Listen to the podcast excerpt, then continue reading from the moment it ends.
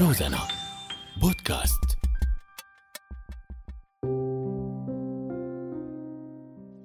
مرحبا. هاي الحلقة الأولى من الموسم الثاني من بودكاست شو الحل. أنا أسماء منير واليوم راح نشوف كيف كانت قطعة بلاستيك هي السبب بمعاناة ومأساة طويلة لكثير من السوريين والسوريات النازحين بالمخيمات. هالحلقة من إعداد محمود أبو راس والمونتاج الصوتي لعقبة خليفة. بأول قصة معنا لليوم رح نروح لبيت خالد. تحديدا يوم 6 شباط يوم الزلزال واللحظة اللي كان فيها البيت عم يروح وبيجي. للحظة اللي صار فيها خالد وعائلته بمركز الإيواء واللي اعتبرها لحظة الأمان. بس اللي صار معهم كان مثل الحلم.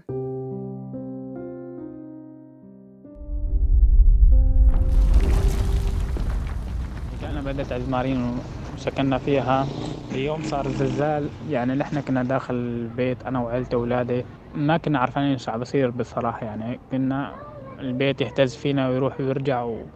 وتهدمت البيوت اللي جنب مني. أنا تهدم البيت اللي على يساري تهدم البيت اللي قدام بيتي. يعني ضلينا داخل البيت في الهزتين الزلزالين قويات بعدين خرجنا لبرا على الشارع لقينا العالم لقينا ال...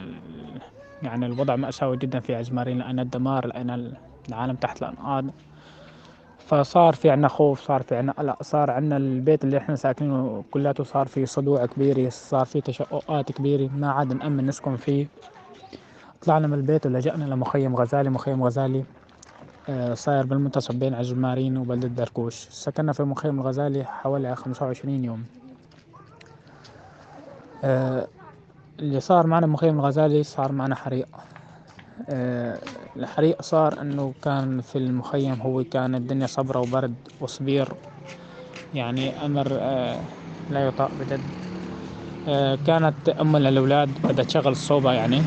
الصوبة هي بيرين وحطب بدها تشغل الصوبة عم بتضيف مادة مازوت للبيرين من أجل اشتغاله.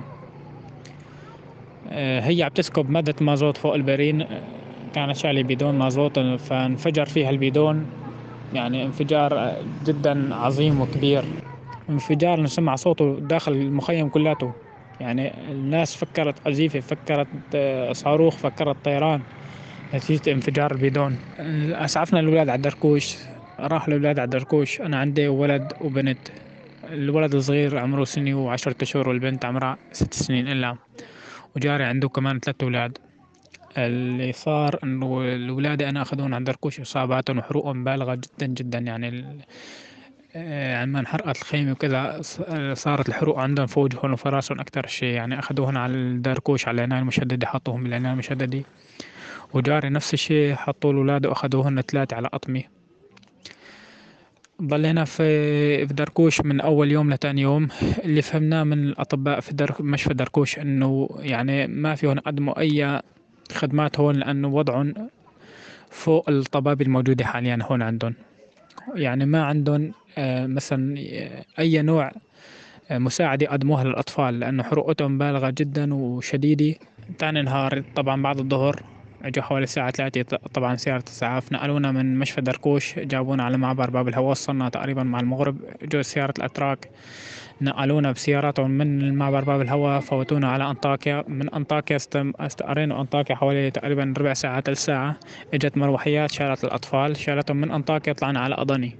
واللي عرفته إنه الأطباء الأتراك حتى ما شلون يعني قدموا لهم مساعدات يعني بالنسبة للأطفال كانت حروقتهم في وجههم في رأسهم أكثر شيء نسبة حروق يعني 65 ل 70% فلو وصلنا أظن الساعة 8 بالليل الساعة تقريبا 9 9 وشوية توفوا ولادي أنا اثنين.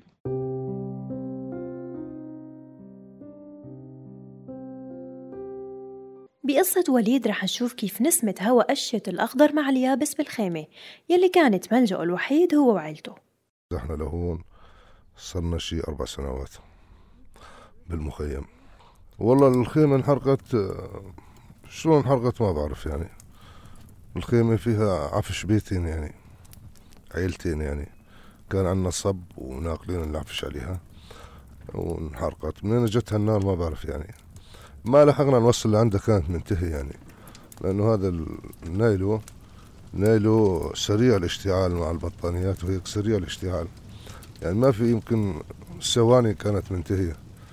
راحت البراكية والأغراض اللي بقلبها كلياتها. يعني الحمد لله إنه ما في أولاد بقلبها الله جاب يعني الأولاد برا.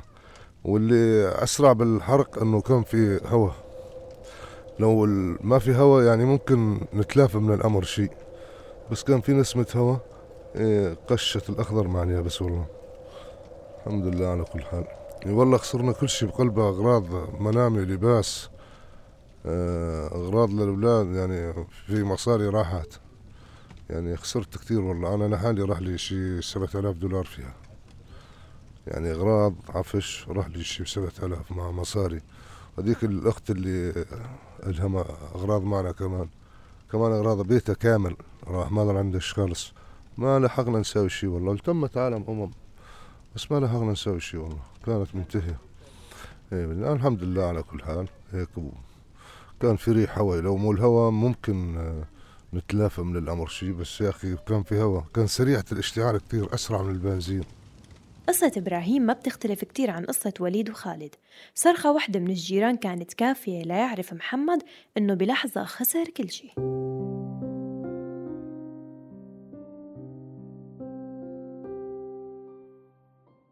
صرنا نازعين بهي السنة أربع سنين. بمنطقة آه، حزانو مخيم البلاط. والله ساعتها يعني بتقول المسويات آه، كنا سهرانين عند جيراننا. إيه، وكانت الصوبة لساتها شغلانة بقلب الخيمة. يعني بدك تقول ما في يعني ظرف يجوز نص ساعة زمان. إيه، طلعوا الجيران واحد من الجيران شافه وبلش يعيط ويصرخ. احترقت الخيمة احترقت. طلعنا ولاتوا النار شغالة إيه وسبحان الله ما لحقنا شيء يعني.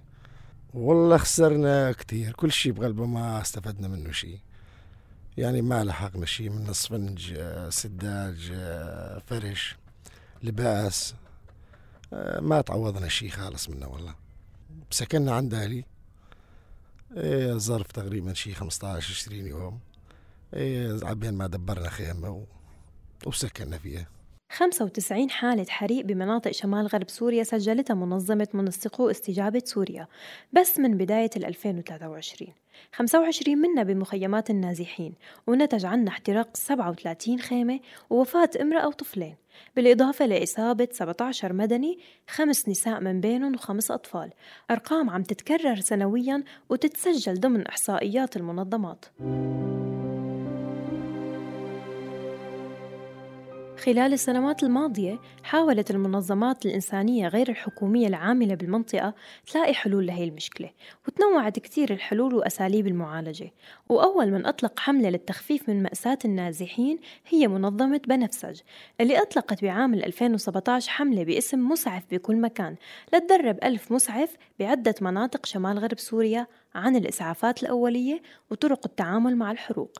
أما هيئة ساعد الخيرية فأطلقت مشروع استجابة للحرائق بعام 2021 بتتضمن إنشاء 45 وحدة إطفاء حريق ب 33 مخيم بشمال غرب سوريا. بالإضافة لتشكيل فرق تطوعية مكونة من 1200 متطوع للاستجابة للحرائق والقيام بتدريبات نظرية عن الإسعافات الأولية والإبلاغ وكيفية استخدام المطافئ والإبلاغ عنها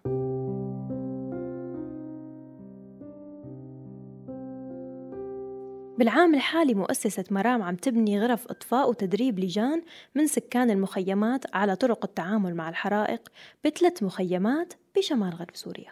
نحن حاليا عم نشتغل بثلاث مخيمات مخططة مخيمين بإدلب ومخيم بعزاز بحتيملات آه، فيهم حوالي ال 10000 مستفيد آه، حوالي 2000 عائلة. آه، طبعا عندنا أنشطة خاصة بالحرائق. الأنشطة هي عبارة عن بناء نقاط للحريق هي عبارة عن يعني بتكون عبارة عن غرفة أربعة بأربعة من البلوك والبيتون آه، مزودة بكل المعدات اللازمة آه، يعني الاستجابة في حال حصل حريق بالمخيم. طبعا هي النقاط موزعة داخل المخيم بحيث يكون سهل الوصول لجميع السكان بالمخيم. آه، تقريبا نفذنا حوالي 24 نقطة حريق بهدول الثلاث مخيمات. مثل ما ذكرت هي نقطة مزودة بكل المعدات من طفايات من مواد إسعاف أولية من المعدات اللازمة للحريق يعني معدات مختلفة. كل المعدات اللي ممكن تلزم أثناء وقوع الحريق. بالإضافة أيضا آه، وزعنا طفايات طفايات حريق وزن 12.5 كيلوغرام. كمان وزعنا حوالي 500 طفاية بهدول الثلاث مخيمات. كمان أيضا عملنا تدريبات خاصة بالحرائق. تدريبات طبعا للجان اللي موجودة بالمخيم. تم تشكيل لجان من كل مخيم عدة لجان بكل مخيم. هن مسؤوليتهم يعني الاستجابة للحريق في حال حصل لا سمح الله.